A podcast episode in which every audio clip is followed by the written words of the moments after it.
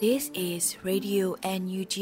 the voice of National Unity Government of Myanmar, broadcasting for Myanmar's Spring Revolution. Radio NUG is transmitting from shortwave 16 meter 17.79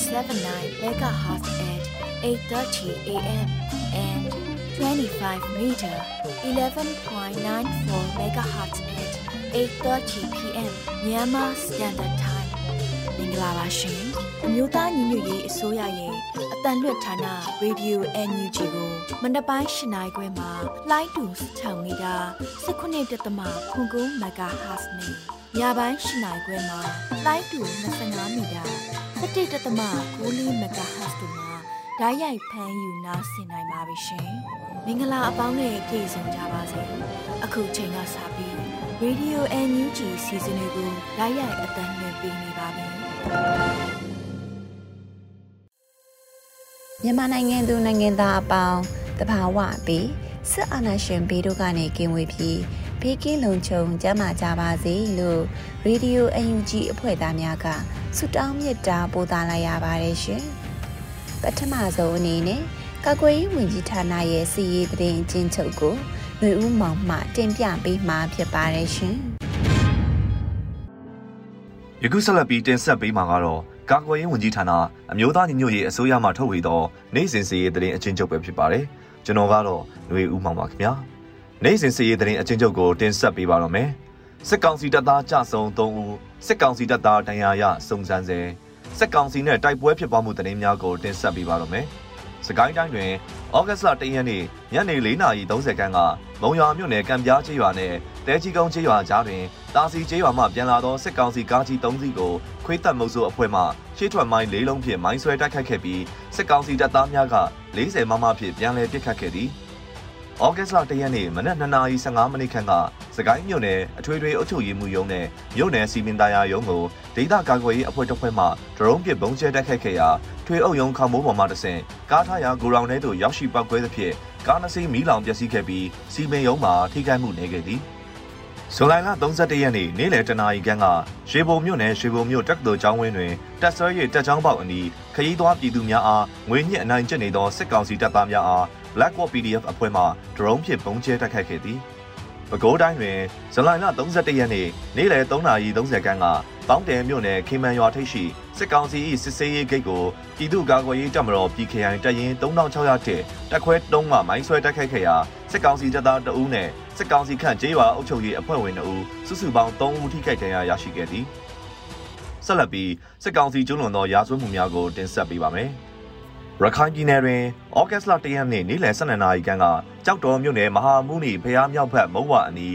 ဒေါ်စိန်ထမင်းဆိုင်ရှိတွင်ကြောက်တော်မြို့နယ်တရက်တပင်ရွာသားဦးမောင်စောတာအပါအဝင်ဒေသခံ၃ဦးကိုရခိုင်တပ်တော် AA နဲ့ပတ်သက်သည်ဟုဆွဆွဲချက်ဖြင့်စစ်ကောင်စီမှဖမ်းဆီးထားကြောင်းသိရသည်။ကရင်နီကရားပြည်နယ်တွင်ဇူလိုင်လ31ရက်နေ့ညနေ9:25မိနစ်ခန့်ကဓမော့ဆုံမြို့နယ်အတွင်းစစ်ပေးဆောင်ပြည်သူများခိုးလုံရာစခန်းတစ်ခုသို့စစ်ကောင်စီအခြေစိုက်စခန်းများဖြစ်သည့် ငွေတောင်100နှစ်တက်ရင်နဲ့ဖရူဆိုအခြေစိုက်128တက်ရင်တို့မှလက်နက်ကြီး10ချိန်ခန့်ပစ်ခတ်မှုကြောင့်စစ်ပေးဆောင်ပြည်သူ2ဦးပြင်းထန်ထိခိုက်ဒဏ်ရာရပြီး73နှစ်အရွယ်အမျိုးသမီး2ဦးနဲ့အသက်49နှစ်အရွယ်အမျိုးသား2ဦးတို့ဆုံးသွားခဲ့သည်မုံပြည်နယ်တွင်ဇူလိုင်လ31ရက်နေ့ညပိုင်းကရေးမြို့နယ်ခွဲလမိုင်းမြို့ရဲစခန်းအနီးတွင်စားတောက်ဆိုင်မှပြန်လာသည့်ကိုလင်းအောင်အားရဲတပ်ဖွဲ့ဝင်များမှတနက်ဖြစ်ပစ်ခတ်ခဲ့သဖြင့်သေဆုံးသွားခဲ့သည် ထိုလူငယ်ကိုရဲတပ်ဖွဲ့ဝင်များမှလမိုင်းမြို့ရဲစခန်းအနီးသို့ကတ်လာသည့်အတွက်မတင်ငါ၍ပစ်ခတ်ခဲ့ခြင်းဖြစ်ကြောင်းသိရသည်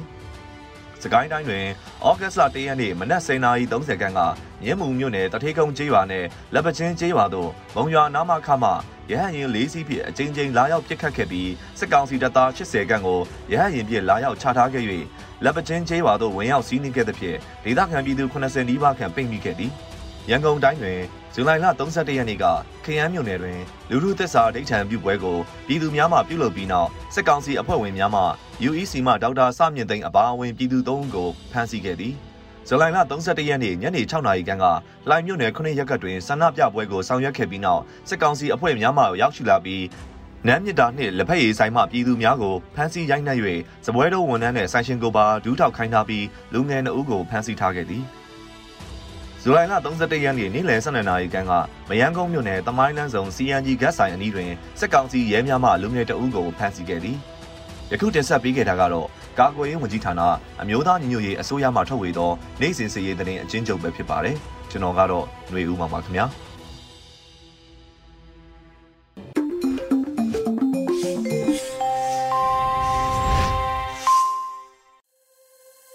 ဆက်လက်ပြီး Radio UNG ရဲ့နောက်ဆုံးရသတင်းများကိုຫນွေဦးမိုင်းမှဖက်ကြားတင်ပြပေးပါမယ်ရှင်။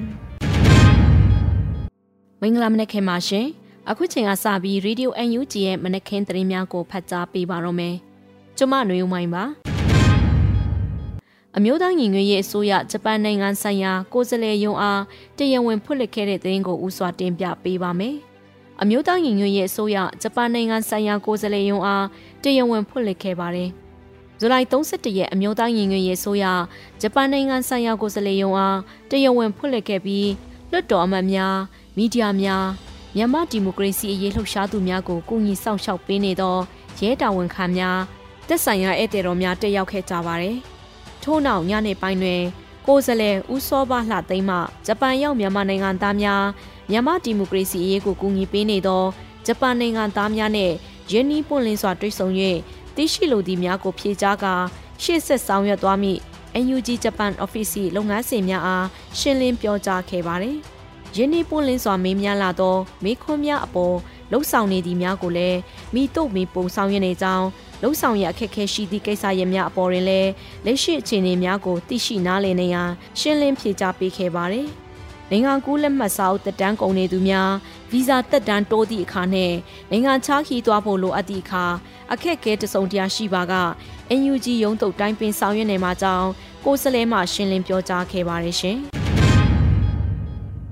ဆက်လက်ပြီးအကြမ်းဖက်တိုက်ဖြတ်ရေးဥပဒေအရကြေညာထားသူတွေရဲ့ပိုင်ဆိုင်မှုအလုံးကိုနိုင်ငံတော်ပိုင်အဖြစ်သတ်မှတ်ပြီးထုခွဲရောင်းချမယ်လို့ပြည်ထရေးဝန်ကြီးဆိုလိုက်တဲ့သတင်းကိုတင်ပြပေးပါမယ်။ အကြမ်းဖက်တိုက်ဖျက်ရေးဥပဒေအရကြေညာထားသူတွေရဲ့ပိုင်ဆိုင်မှုအလုံးကိုနိုင်ငံတော်ပိုင်အဖြစ်သတ်မှတ်ပြီးထုခွဲရောင်းချမယ်လို့ပြည်ထရေးဝန်ကြီးဦးလုံကိုလက်ကပြောပါတယ်။ဇူလိုင်31ရက်ညပိုင်းလူထုမင်းမြန်းမှုများကို NUG ဖြေကြားမှုအစီအစဉ်မှာပြည်ထရေးနဲ့လူမှုကြီးကြပ်ရေးပြည်ထောင်စုဝန်ကြီးဦးလုံကိုလက်ကပြောပါတယ်။မင်းအောင်လှိုင်ရဲ့ဆက်လေးအင်းလျအိမ်နဲ့ခြံကို EOD ရှယ်ယာဖြင့်ကျွန်တော်တို့ရဲ့စီမံဘဏ္ဍာကဝင်ကြီးဌာနကရောင်းချတာဟာ အကြမ်းဖက်တိုက်ဖျက်ရေးဥပဒေအရလှုပ်ဆောင်တာဖြစ်ပါတယ်။ဒါကြောင့်အကြမ်းဖက်တိုက်ဖျက်ရေးဥပဒေအရကျင့်ရထားသူတွေရဲ့ပိုင်ဆိုင်မှုတွေအလုံးကိုနိုင်ငံတော်ပိုင်အဖြစ်သတ်မှတ်မယ်။ပြီးလို့ရှိရင်အခုလိုမျိုးတော်လှန်ရေးမှာအထောက်ပံ့ဖြစ်စေဖို့အတွက်ထုခွဲရောင်းချဖို့ရှိရဲစစ်တိုက်လုပ်ဖို့ရှိရဲလို့ဝန်ကြီးကဆိုပါတယ်။ဆက်လက်အင်းလျာမှရရှိခဲ့တဲ့ဗန္ဒာရန်ပုံဝင်ရဲ့65ရာခိုင်နှုန်းကိုကာကွယ်ရေးဝန်ကြီးဌာနအတွက်နဲ့ကြံ9ရာခိုင်နှုန်းကိုအခြားလိုအပ်သောနေရာများတွင်အသုံးပြုခဲ့ပါတယ်။ စစ်လေအင်လျာ project အပြီးမှာ EOD ရဲ့ရှေ့သို့ခြေလှမ်းများဖြင့်ဗန္နာယံပုံငွေရရှိရေး project များအများပြည်သူနဲ့ဆိုင်သော project များစတင်ပါမယ်လို့ EOD ကအသိပေးကြေညာထားပါတယ်ရှင်။အကြမ်းဖက်စစ်အာဏာရှင်စနစ်အမြင့်ပြတ်ချိန်မုံလို့မပြီးမချင်းနောက်ဆုံးမှမဟုတ်ဘူးလို့ပြည်ထောင်စုဝန်ကြီးဒေါက်တာဆဆာပြောကြားတဲ့သတင်းကိုဆက်လက်တင်ပြပေးပါမယ်။အကြမ်းဖက်စစ်အာဏာရှင်စနစ်အမြင့်ဖြတ်ချိန်မုံလို့မပြီးမချင်းနောက်ဆုံးမှမဟုတ်ဘူးလို့ ပြည်ထောင်စုဝန်ကြီးဒေါက်တာဆဆာပြောကြားလိုက်ပါတယ်။ဇူလိုင်31ရက်နေ့မှာအပြည့်ပြေဆိုင်ရာပူးပေါင်းဆောင်ရွက်ရေးဝန်ကြီးဒေါက်တာဆဆာကဆိုပါတယ်။ Federal Democracy နိုင်ငံတော်ကြီးမတီမဆောက်နိုင်ခြင်းအကြမ်းဖက်စစ်အာဏာရှင်စနစ်အမြင့်ဖြတ်မချေမမုန်းနိုင်ခြင်းနောက်ဆုံးမှမဟုတ်သလိုအနားယူမှလည်းမဟုတ်ပဲဆက်လက်ချီတက်သွားမယ်စစ်အာဏာရှင်စနစ်အမြန်ဆုံးကြဆုံးပါစေကြလဲကြဆုံးနေပြီလို့ဝန်ကြီးကဆိုပါတယ်။ အကြမ်းဖက်စစ်တပ်ဟာ2021ဖေဖော်ဝါရီလ1ရက်နေ့မှာနိုင်ငံတော်အာဏာကိုမတရားသိမ်းယူခဲ့ပါတယ်ရှင်။ဆက်လက်ပြီးလူထုကူလူသားတိုင်းအဖြစ်အသုံးပြုပြီးတိုက်ခိုက်လက်ရှိတဲ့အကြမ်းဖက်စစ်ကောင်စီတပ်သားတွေနဲ့ရင်ဆိုင်ရာမှာလိမ္မာပါနတ်ဖို့နဲ့ဗျူဟာကြကြတံပြန်တိုက်ခိုက်ဖို့လိုအပ်တယ်လို့လူအခွင့်ရေးရဝန်ကြီးပြောကြားတဲ့သတင်းကိုတင်ပြပေးပါမယ်။ လူထုကူလူသားတိုင်းအဖြစ်အသုံးပြုပြီးတိုက်ခိုက်လက်ရှိတဲ့အကြမ်းဖက်စစ်ကောင်စီတပ်သားတွေနဲ့ရင်ဆိုင်ရမှာလိန်မာပါနတ်ဖို့နဲ့ဗျူဟာကြကြတံပြန်တိုက်ခိုက်ဖို့လိုအပ်တယ်လို့လူအခွင့်ရေးရဝန်ကြီးဦးအောင်မျိုးမင်းကပြောပါတယ်။ဇူလိုင်နောက်ဆုံးပတ်မှာလူအခွင့်ရေးရဝန်ကြီးဦးအောင်မျိုးမင်းကပြည်သူ့ကာကွယ်တပ်ဖွဲ့များလိုက်နာရမယ့်ကျင့်ဝတ်စည်းကမ်းများကိုပြောပါတယ်။ပြည်သူလူထုအပေါ်အကြမ်းဖက်လုပ်ရက်တွေဆင်ဆက်မပြတ်ကျူးလွန်နေတဲ့ အကြမ်းဖက်စစ်တပ်ကိုပြည်သူ့ကာကွယ်တပ်ဖွဲ့များအနေနဲ့ခုခံတွန်းလှန်ရင်းလူထုအပေါ်ကာကွယ်စောင့်ရှောက်ရမယ့်တာဝန်ဝတ္တရားရှိပါတယ်။လူထုကလူသားတိုင်းအဖြစ်အသုံးပြုပြီးတိုက်ခိုက်လက်ရှိတဲ့အကြမ်းဖက်စစ်ကောင်စီတပ်သားတွေနဲ့ရင်ဆိုင်ရမှာမိမိတို့ပြည်သူ့ကာကွယ်တပ်ဖွဲ့များအနေဖြင့်လိမ္မာပါနတ်ဖို့နဲ့ယူဟာကြကြလဲတံပြန်တိုက်ခိုက်ဖို့လိုအပ်ပါတယ်လို့ဆိုပါတယ်။အကြမ်းဖက်စစ်တပ်ဟာပြည်သူလူထုကိုရန်သူတပ်ဖွဲ့သဘောထားပြီးတိုက်ခိုက်မှုပြင်းထန်စေတဲ့ ဆက်လက်နဲ့ပစ္စည်းတွေကိုအသုံးပြုတိုက်ခိုက်လှည့်ရှိပါတယ်။လက်တလောမှာစကိုင်းမကွေးနဲ့အခြားတိုင်းနဲ့ပြည်နယ်များမှာလည်းစစ်ကောင်စီတပ်များဟာအရက်သားများကိုပြစ်မှတ်ထားဖမ်းဆီးကာညှဉ်းပန်းလက်ရှိပါတယ်ရှင်။ဆက်လက်ပြီးမြန်မာပြည်သူများ၏လိုအားတနာထောက်ပံ့မှုများကိုမြေပြင်တိုက်တပ်ဖွဲ့များထံဇူလိုင်လအတွက် KTJ Supporting Group ကတဆင့်85သိန်းကျပ်ထောက်ပို့တဲ့သတင်းကိုတင်ပြပေးပါမယ်။ မြန်မာပြည်သူများ၏လိုအားတနာထောက်ပံ့မှုများကိုမြေပြင်တိုက်တပ်ဖွဲ့များထံဇူလိုင်လအတွက် KTJ Supporting Group ကတဆင့်85သိန်းကျပ်ထောက်ပို့ခဲ့ပါတယ်။ဇူလိုင်လအတွက်လူဒန်းပေးပို့ကြသောထိုင်းကိုရီးယားရောက်မြန်မာပြည်သူများ၏လုံအားတနာထောက်ပံ့မှုများကိုမြေပြင်တပ်ရင်တပ်ဖွဲ့များထံစီစစ်ပေးဖို့လူဒန်းခဲ့ပြီးပါပြီလို့ KTJ Supporting Group ကဆိုပါတယ်။ယခုဇူလိုင်လအတွက်ပေးပို့ခဲ့သောထောက်ပို့ငွေပမာဏနဲ့လက်ခံရယူသည့်တပ်ဖွဲ့များမှာ Freedom Ranger တမူ FRT တမူ10သိန်းကျပ်မလေး UG 9သိန်းကျပ်ဂလုံပြည်သူ့ကာကွယ်တပ်မြိုင်15သိန်းကျပ် PDF စောက်မုံရွာ15သိန်းကျပ်တက်ရင်1ခွန်301 1ခွန်302တပင်ညို PDF အလဲပိုင်းတိုင်း15သိန်းကျပ်ရန်ကုန် UG .6 boy 10သိန်းကျပ်ကရင်ပြည်နယ်မှရေပေါ်များ9သိန်းကျပ်စုစုပေါင်း85သိန်းကျပ်တီတီကိုရေပြင်တိုက်ရိုက်ပေးဖို့ကူညီနိုင်ခဲ့ပါတယ်။ ထောက်ဖို့ကူညီကြသူမြန်မာပြည်သားတော်လှန်ထောက်ဖို့ကြသူများဆက်လက်ထောက်ဖို့ကူညီပေးပါရန်ဖိတ်ခေါ်ပါတယ်လို့ KTJ အဖွဲ့ကဆိုပါတယ်။လက်ရှိထောက်ပံ့ရန်ကြံရှိနေတဲ့စီစစ်ပြီးထပ်ဖွဲ့စုစုပေါင်း18ဖွဲ့ခန့်ရှိနေပါသေးတယ်ရှင်။ဆလပီဇိုလတလအတွင်းတက်ရင်မှုအစဉ်ပါဝင်စစ်ကောင်စီတပ်သား18116ဦးသေဆုံးခဲ့တဲ့သတင်းကိုတင်ပြပေးပါမယ်။ ဇိုလတလအတွင်းတက်ရင်မှုအစဉ်ပါဝင်စစ်ကောင်စီတပ်သား18116ဦးသေဆုံးခဲ့ပါတယ်။ဩဂတ်လတရက်နေ့မှာစစ်ကောင်စီတပ်သားများကြဆုံထိခိုက်စင်းကိုအမျိုးသားညီညွတ်ရေးအစိုးရကာကွယ်ရေးဝန်ကြီးဌာနကထုတ်ပြန်ပါတယ်။2021ခုနှစ်ဇွန်လတရက်နေ့မှ2022ခုနှစ်ဇွန်လ30ရက်နေ့အထိမြန်မာတနိုင်ငံလုံးတွင် ခုခံတော်လှန်တိုက်ပွဲ9338ကြိမ်ဖြစ်ပွားခဲ့ပြီးတပ်ရင်းမှုအစဉ်အပါဝင်စစ်ကောင်စီတပ်သား 18116ဦးသေဆုံးခဲ့ပြီး6128ဦးထိခိုက်ဒဏ်ရာရရှိခဲ့လို့ဖော်ပြပါတယ်။စစ်ကောင်စီမှအယက်သားများအပေါ်အကြမ်းဖက်မှုဖြစ်စဉ်9550ကျိန်အထိရှိခဲ့ပြီးအယက်သားပြည်သူ2908ဦးသေဆုံးခဲ့က1912ဦးဒဏ်ရာရရှိခဲ့ပြီး1955ဦးအထိအဖမ်းခံခဲ့ရပါတယ်။ အာနာသိန်းအကြံဖက်စစ်ကောင်စီဟာပြည်သူအာဏာကိုမတရားလူယူသိမ်းပိုက်ခဲ့ဒီမှာ18လအထိရှိပြီဖြစ်တော်လဲလုံးဝအုပ်ချုပ်လို့မရဒီမှာအရှိတရားဖြစ်တယ်လို့ကာကွယ်ရေးဝန်ကြီးဌာနအမျိုးသားညီညွတ်ရေးအစိုးရကဖော်ပြပါတယ်ရှင်။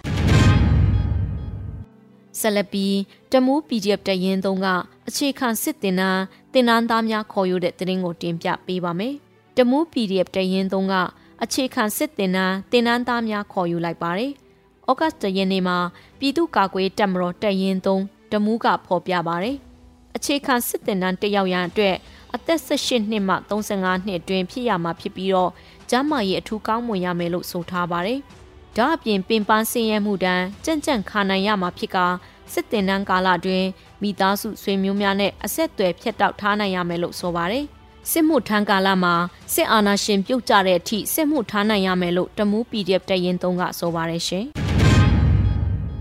ဆက်လက်ပြီးကံကောမြို့မှရဲစခန်းမှ YDF စိုးမိုးနေမြေထဲသို့ထောက်လှမ်းစုံစမ်းရန်ဝင်ရောက်လာသောရဲထောက်လှမ်းရေးများဖမ်းမိခဲ့တဲ့တဲ့ရင်ကိုတင်ပြပေးပါမယ်။ကံကောမြို့မှရဲစခန်းမှ YDF စိုးမိုးနေမြေထဲသို့ထောက်လှမ်းစုံစမ်းရန်ဝင်ရောက်လာသောရဲထောက်လှမ်းရေးများဖမ်းမိခဲ့ပါတယ်။ဩဂတ်စ်ရက်နေ့မှာရဲများနဲ့ပတ်သက်လို့ယောဂကွေးတပ် YDF ကဆိုပါတယ်။ဇူလိုင်31ရက်နေ့ကံကောမြို့မှရဲစခန်းမှ YDF စိုးမိုးနေမြေထဲသို့ထောက်လှမ်းစုံစမ်းရန်ဝင်ရောက်လာသော ရဲမေမခိုင်စာကြည်လွင်ရဲမောင်ဖြိုးသက်ကျော်လမြင်းဆောင်281396နဲ့မောင်ဖြိုးသက်ကျော်၏ညီနိုင်ဝင်းထွန်းတို့300အား YDF မှလက်ရဖမ်းဆီးရန်ကြိုးပမ်းစဉ်ရဲမေမှခိုင်စာကြီးမှဆိုင်ကယ်နဲ့ထွက်ပြေးသဖြင့်မတက်တာပဲပြစ်ခတ်ရှင်းလင်းလိုက်ရပါတယ်လို့ဆိုပါတယ်။ကြံရဲနှစ်ဦးအားတုံပန်းဥပဒေနဲ့ငီထိမ့်သိမ်းမင်းများစစ်ဆေးလက်ရှိကြောင်းယောဂကွေတက် YDF ကထုတ်ပြန်ပါတယ်ရှင်။ ဆက်လက်ပြီးရန်ကုန်မန္တလေးအမြန်လမ်းမိုင်တိုင်342 6ဖာလုံးတွင်အကြမ်းဖက်စစ်ကောင်စီတပ်ဖွဲ့ဝင်များစီးနင်းလိုက်ပါလာသောကားအားကြောက်ဆယ် KDDF မှပရိသမိုင်းဆွဲတိုက်ခိုက်တဲ့တရင်ကိုတင်ပြပေးပါမယ်။ရန်ကုန်မန္တလေးအမြန်လမ်းမိုင်တိုင်340 6ဖာလုံးတွင်အကြမ်းဖက်စစ်ကောင်စီတပ်ဖွဲ့ဝင်များစီးနင်းလိုက်ပါလာသောကားအားကြောက်ဆယ် KDDF မှပရိသမိုင်းဆွဲတိုက်ခိုက်ခဲ့ပါတယ်။ဩဂတ်စ်ရက်နေ့မှာကိုပွားတထောင်စစ်စင်ရင်အနေနဲ့ ဖော်ဆောင်ခဲ့တယ်လို့ကြောက်စဲခရန်ကာကွယ်တပ်ဖွဲ့ KDDF ကဆိုပါတယ်။ထိခိုက်သေးဆုံးရှိနိုင်ပါတယ်လို့ကြောက်စဲ KDDF ကဆိုပါတယ်။ကြောက်စဲခရန်အတွင်းတော်လှန်ရေးအရှိန်မြင့်တင်ရာဒေသကုတ်ကဲရေးအဖွဲ့ကြောက်စဲခရန်မှဖော်ဆောင်နေသောကိုပွားတထောင်စစ်စင်ရင်နေဖြင့်ကြောက်စဲခရန်ကာကွယ်တပ်ဖွဲ့ KDDF ကထပ်မံဆိုပါတယ်ရှင်။ခင်ဦးမြို့နယ်လက်ပံလှကျေးရွာကိုအကြမ်းဖက်စစ်တပ်ကဝင်ရောက်တောင်းကြရမှာအ သက်88နှစ်အရွယ်တော်ဖွားစီမှာစစ်ကောင်စီတပ်ရဲ့ရှုပ်မီထဲတေဆုံးခဲ့ရတဲ့တဲ့ရင်ကိုဆက်လက်တင်ပြပေးပါမယ်။ခင်ဦးမြို့နယ်လက်ပံလှကျေးရွာကိုအကြမ်းဖက်စစ်တပ်ကဝင်ရောက်တောင်းကြရမှာအသက်88နှစ်အရွယ်တော်ဖွားစီမှာ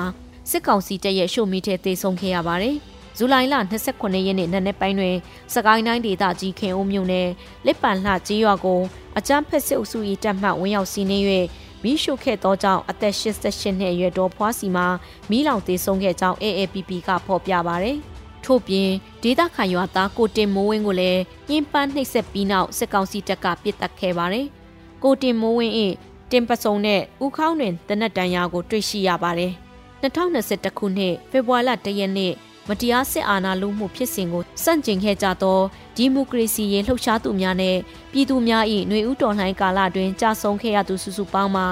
2142ဦးရှိခဲ့ပြီးဖြစ်ပါတယ်ရှင်။အခုတင်ပြပေးခဲ့တဲ့သတင်းတွေကိုတော့ Radio UNG သတင်းထောက်မင်းမင်းကပေးပို့ထားတာဖြစ်ပါတယ်ရှင်။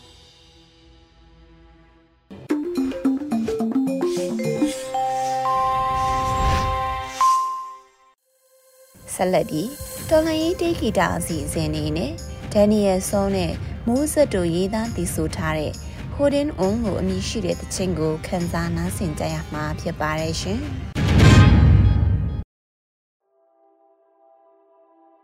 ဒီမိုကရေစီပြန်လည်ရရှိရေးနဲ့ဒီမိုကရက်တစ်ဖက်ဒရယ်ပြည်ထောင်စုတည်ထောင်ရေး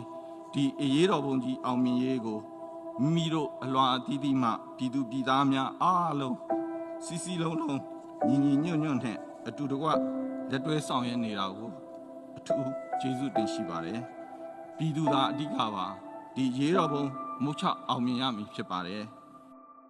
အချင်းချထားတဲ့နေတွေကလွမြောက်ဖို့တွင်လန်းကိုရှာရင်မောပန်လာပြန်လမ်းရှိတော့တဲ့ဘဝတွေကချွေသိပ်ဖို့တွင်နာကိုစရာရောရှိပါမလားဧကလွန်တဲ့မိုးတန်ကြစားတော့ဖို့တွင်ရိတ်ခါတွေရောလာရဲ့လားအလုံး ပြီးဆုံးသွားချိန်တန်ငါတွင်ငိမ့်ချမ်းတဲ့တန်စင်များရှိအောင်လားအဖြစ်ရှာမရတဲ့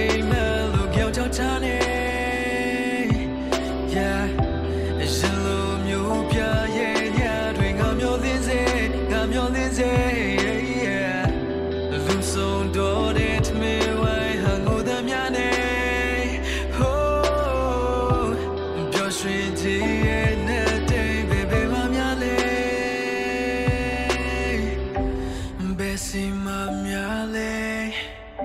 Yeah, yeah, had the mirror. Just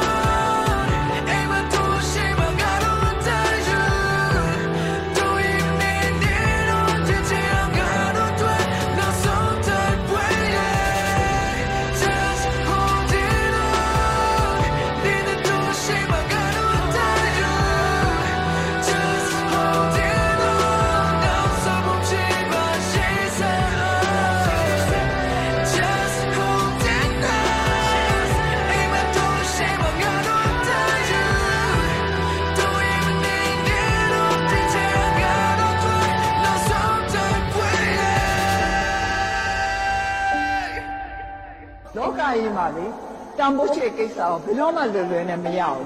။ဒါပေမဲ့ကိုယ့်ကိုယ်ကိုယ်လည်းယုံကြည်မှုရှိရမယ်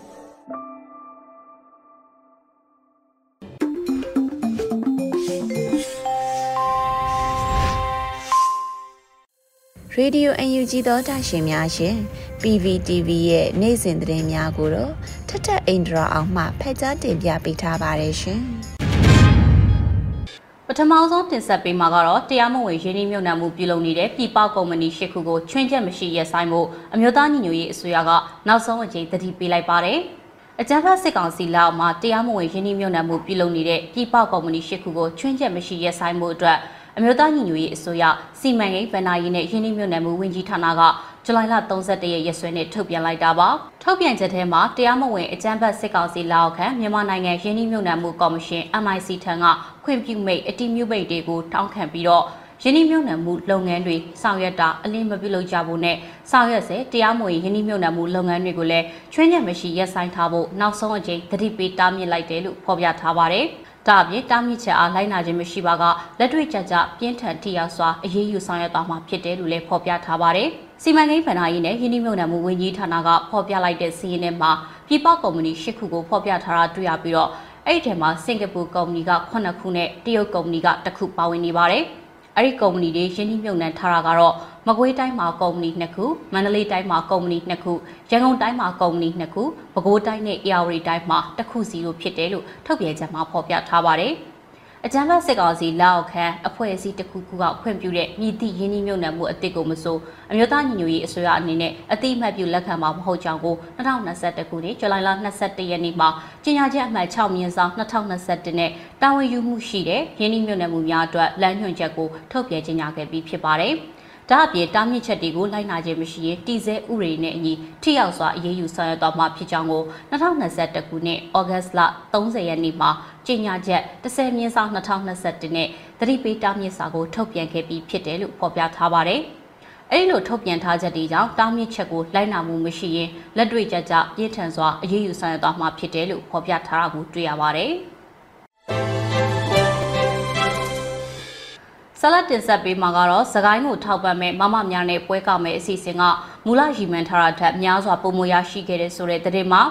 အကြမ်းဖက်စစ်ကောင်စီကိုခုခံတော်လှန်စစ်ပြင်းထန်နေတဲ့စကိုင်းတိုင်းအတွင်းကိုထောက်ပံ့မဲ့မမများနဲ့ပွဲကောက်မဲ့အစီအစဉ်ကနေစက်သိန်း1000ခွဲရီမန်ထားပေမဲ့လက်တွေ့မှာမူလရီမန်ထားတာထက်များစွာပုံမရရှိခဲ့ပါတယ်။စကိုင်းအတွက်အလှငွေကောက်ခံချိန်မှာကျပ်သိန်းပေါင်း29,900အထိရရှိခဲ့ပြီးဖြစ်တယ်လို့မမများနဲ့ပွဲကမဲ့အစီအစဉ်ကထုတ်ပြန်လိုက်တာပါ။ မမများနဲ့ပွဲကမဲ့အစီအစဉ်ဘက်ကနေစကိုင်းဘက်ကစကိုင်းအတွက်ငွေလွှဲခြင်းလုပ်ငန်းတွေကိုစတင်နေပြီဖြစ်တယ်ဆိုတာလည်းပြောကြားထားပါတယ်။မမများနဲ့ပွဲကမဲ့အစီအစဉ်အတွက်ငွေလွှဲထားပြီးတော့တာဝန်ခံတွေဘက်ကမစ်ဆောက်ဖြစ်တာဆာဗာဒေါင်းနေလို့မှတ်တမ်းမရရှိတာတွေရှိပါတယ်။အဲ့ဒီအတွက်လည်းစိတ်မပူကြဘူးနဲ့ငွေလွှဲထားတဲ့တပ်ဆိုင်ရာတာဝန်ခံတွေစီကိုသာအကြောင်းကြားပေးကြဖို့နဲ့စည်ရင်းတွေပြန်စစ်ပြီးတဲ့မှတ်တမ်းတွေကိုပြန်လည်ပို့ပေးမှဖြစ်တဲ့အကြောင်းလဲထုတ်ပြန်ထားတာကိုတွေ့ရပါတယ်။ စကိုင်းတိုင်းမှာအကြမ်းဖက်စစ်တပ်ကိုခုခံတော်လှန်စစ်ပြင်းထန်ဆုံးပြုလုပ်နေတဲ့ဒေသဖြစ်တယ်လို့အကြမ်းဖက်စစ်တပ်ကလည်းစကိုင်းတိုင်းတွင်းကကြေးရွာတွေထဲဝင်ရောက်ပြီးတော့လူသက်မိရှုဖျက်ဆီးတာတွေတောက်လျှောက်ဆိုသလိုပြုလုပ်နေပါတယ်။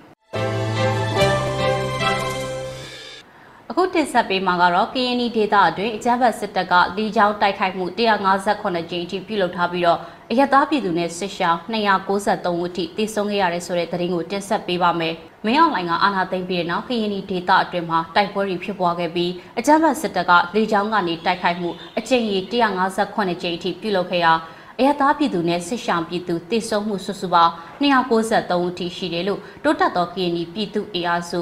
PKPF ကဒီကနေ့မှသတင်းထုတ်ပြန်လိုက်ပါတယ်။ထုတ်ပြန်လိုက်တဲ့စီးရင်တွေအရ KNY ဒေတာအတွင်းမှာတိုက်ပွဲပေါင်း393ကြိမ်အထိဖြစ်ပွားခဲ့ပြီးတော့အကြမ်းဖက်စစ်တပ်က1452ဦးသေခဲ့တယ်လို့အကြမ်းဖက်စစ်ကောင်စီဘက်ကရင်54စီးအထိပျက်စီးခဲ့တယ်လို့ဖော်ပြထားပါတယ်။ KNY ဒေတာမှာ2021ခုနှစ်မေလ20ရက်ကစတင်ပြီးတိုက်ပွဲတွေဖြစ်ပွားခဲ့တာဖြစ်ပြီးတော့ တနစ်ခွဲကာလအတွင်းမှာအခုလိုတိုက်ပွဲအရေးအတွက်အထိဖြစ်ပွားခဲ့ရတာလည်းဖြစ်ပါတယ်။အဲဒီတနစ်ခွဲကာလအတွင်းမှာအကြမ်းဖက်စစ်တပ်ကလေကြောင်းကနေတိုက်ခိုက်မှု158ကြိမ်အထိပြုလုပ်ခဲ့တာဖြစ်ပြီးတော့အဲဒီလိုလေကြောင်းကနေရောမြေပြင်မှာပါလက်နက်ကြီးလက်နက်ငယ်တွေနဲ့မစင်မချင်းပစ်ခတ်မှုတွေပြုလုပ်တဲ့အတွက်အရသာပြည်သူတေဆုံးမှုက255ဦးနဲ့စစ်ဘေးရှောင်နေစဉ်တေဆုံးခဲ့ရတဲ့ပြည်သူတေဆုံးမှုက38ဦးစုစုပေါင်း293ဦးအထိရှိနေတာလည်းဖြစ်ပါတယ်။ အကြမ်းဖက်စစ်တပ်ရဲ့အရက်သားတွေကိုပြစ်မှတ်ထားတိုက်ခိုက်မှုကြောင့်ဒေသခံပြည်သူတိမ့်နေချီပြီးတော့လဲစစ်ဘေးရှောင်နေရပြီးဒေသခံပြည်သူ260ဦးကိုလည်းမတရားဖမ်းဆီးထားတယ်လို့ထုတ်ပြန်ကြမှာဖော်ပြထားပါတယ်။အကြမ်းဖက်စစ်တပ်ရဲ့နေမြေကျူးကျော်စစ်တွေကိုခုခံတွန်းလှန်ရင်းနဲ့ပြည်သူ့ကာကွယ်ရေးတပ်ဖွဲ့ဝင်တွေနဲ့လက်နက်ကိုင်တပ်ဖွဲ့ဝင်148ဦးကြာဆုံးခဲ့ရတယ်လို့လည်း PKPF ရဲ့စာရင်းမှာဖော်ပြထားပါတယ်။အကြမ်းဖက်စစ်တပ်ကလေကြောင်းကရောမြေပြင်မှာပါလက်နက်ကြီးတွေနဲ့ရန်တမ်းပစ်ခတ်မှုကြောင့် ဘာသာရေးအဆောက်အုံ23ခုပျက်စီးခဲ့ရသလိုပြည်သူတွေရဲ့နေပျက်စီးမှုကလည်း1133ခုထိရှိတယ်လို့ထုတ်ပြန်ချက်မှာဖော်ပြထားပါတယ်။ KNY ဒေသမှာနေမြေကျူးကျော်စစ်ဆင်နွှဲနေတဲ့အကြမ်းဖက်စစ်တပ်ကို KNY တပ်မတော် KA KNY အမျိုးသားများကာကွယ်ရေးတပ် KNDF ဒေသခံပြည်သူ့ကာကွယ်ရေးတပ် PDF တွေနဲ့တော်လှန်ရေးအင်အားစုတွေစုပေါင်းပြီးတော့ခုခံတော်လှန်စစ်ဆင်နွှဲနေတာလည်းဖြစ်ပါတယ်။ ဆလတ်တင်ဆက်ပေးမှာကတော့အကြမ်းဖက်စစ်တပ်ကအာဏာကိုလွတ်ယူလိုက်ချိန်ကစလို့မြန်မာနိုင်ငံအတွင်းမှာအလောက်ကိုင်အခွင့်အရေးအခြေအနေဟာအဆိုးရွားဆုံးဖြစ်နေပြီလို့ ILO ကတတိပေးလိုက်ပါတယ်။အကြမ်းဖက်စစ်တပ်ကအယက်သားအစိုးရစီကနေအာဏာကိုလွတ်ယူလိုက်ချိန်ကစလို့18လအတွင်းမြန်မာနိုင်ငံမှာအလောက်ကိုင်အခွင့်အလမ်းအခြေအနေဟာအဆိုးရွားဆုံးဖြစ်နေပြီလို့အပြည်ပြည်ဆိုင်ရာအလုပ်သမားရေးရာအဖွဲ့ ILO ကဒီကနေ့မှသတင်းထုတ်ပြန်လိုက်ပါတယ်။မြန်မာနိုင်ငံဆိုင်ရာ ILO ရဲ့ဆက်သွယ်ညှိနှိုင်းရေးမှူးဖြစ်သူ Mr. Donlan Lee ကလက်ရှိလုံးပါပါနေတဲ့အလောက်ကိုင်အခြေအနေဆိုးရွားမှုတွေနဲ့အလောက်ကရည်သွေးကျဆင်းမှုဟာအလွန်အမင်းစိုးရိမ်ဖွယ်ရာကောင်းတဲ့အခြေအနေမှာရှိနေပါတယ်လို့ပြောကြားခဲ့တာပါ။အပြည်ပြည်ဆိုင်ရာအလုပ်သမားရေးရာအဖွဲ့ ILO ရဲ့ခံမှန်းချက်တွေအရအာနာမသိငင်အခြေအနေနဲ့နှိုင်းယှဉ်မယ်ဆိုရင်အလောက်ကိုင်အခွင့်အလမ်းကတစ်တသမတက်တန်းထီကိုနေပါသွားတယ်လို့ဆိုပါတယ်။အကြမ်းဖက်စစ်တပ်အာဏာသိမ်းခဲ့တဲ့2021ခုနှစ်အတွင်းကုန်ထုတ်စွမ်းအားဟာ800ခိုင်နှုန်းထိကျဆင်းသွားပြီးတော့ဒီနှစ်2022ခုနှစ်ပထမနှစ်ဝက်မှာနောက်ထပ်200ခိုင်နှုန်းထပ်မံကျဆင်းသွားပြန်တယ်လို့ ILO ကဆိုပါတယ်။ အကြမ်းဖက်စစ်တပ်ရဲ့အာဏာသိမ်းမှုကြောင့်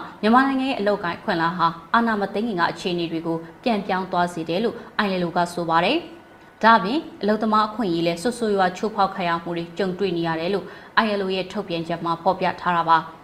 စစ်တပ်အာဏာသိမ်းပြီးတဲ့နောက်မြန်မာနိုင်ငံကနေနိုင်ငံခြားယင်းနှိမ့်မြုပ်နှံမှုတွေထွက်ခွာသွားတာဘဏ်လုပ်ငန်းရဆိုင်သွားတာတွေကြောင့်စီးပွားရေးလုပ်ငန်းတွေအကျက်တဲတွေ့နေရသလိုအလောက်ကိုင်အခွင့်အလမ်းလဲကျဆင်းသွားပါတယ်။ ဒါကြောင့်အင်းနီချင်းထိုင်းနိုင်ငံမှာအလောက်ကိုင်ရှာဖွေဖို့တွားရောက်ကြတဲ့မြန်မာတွေနေ့စဉ်အများအပြားရှိနေပြီးတော့လူငယ်လူရွယ်တွေဟာဂျပန်တောင်ကိုရီးယားစတဲ့ပြည်ပနိုင်ငံတွေမှာအလုပ်လုပ်ကိုင်မှုထွက်ခွာနေကြပါတယ်။ဒီကနေ့ကတော့ဒီညနေပဲ Radio NUG ရဲ့အစီအစဉ်လေးကိုခေတ္တရ延လိုက်ပါမယ်ရှင်။မြန်မာစံတော်ချိန်မနေ့၈နိုင်ခွဲနဲ့ည၈နိုင်ခွဲအချိန်တွေမှာပြောင်းလဲဆိုပြကြပါလို့ရှင်။ Radio NUG ကို မနေ့ပိုင်း၈နိုင်ခွဲမှာလိုင်းတူ16မီတာ19.7 MHz နဲ့ညပိုင်း၈နာရီခွဲမှာလိုင်းတူ25မီတာ17.6 MHz တို့မှာဓာတ်ရိုက်ဖမ်းယူနားဆင်နိုင်ပါပြီရှင်။မြန်မာနိုင်ငံသူနိုင်ငံသားများကိုစိတ်နှဖျားစမ်းမချမ်းသာလို့ဘေးကင်းလုံခြုံကြပါစေလို့ Radio NUG ရဲ့ဖွဲ့သူဖွဲ့သားများကဆုတောင်းလိုက်ရပါတယ်။ San Francisco Bay Area အခြေဆိုင်မြန်မာမိသားစုများနိုင်ငံတကာကစေတနာရှင်များလို့အားပေးကြရဲ့ Radio NUG ဖြစ်ပါတယ်ရှင်။အရေးတော်ပုံအောင်ရမည်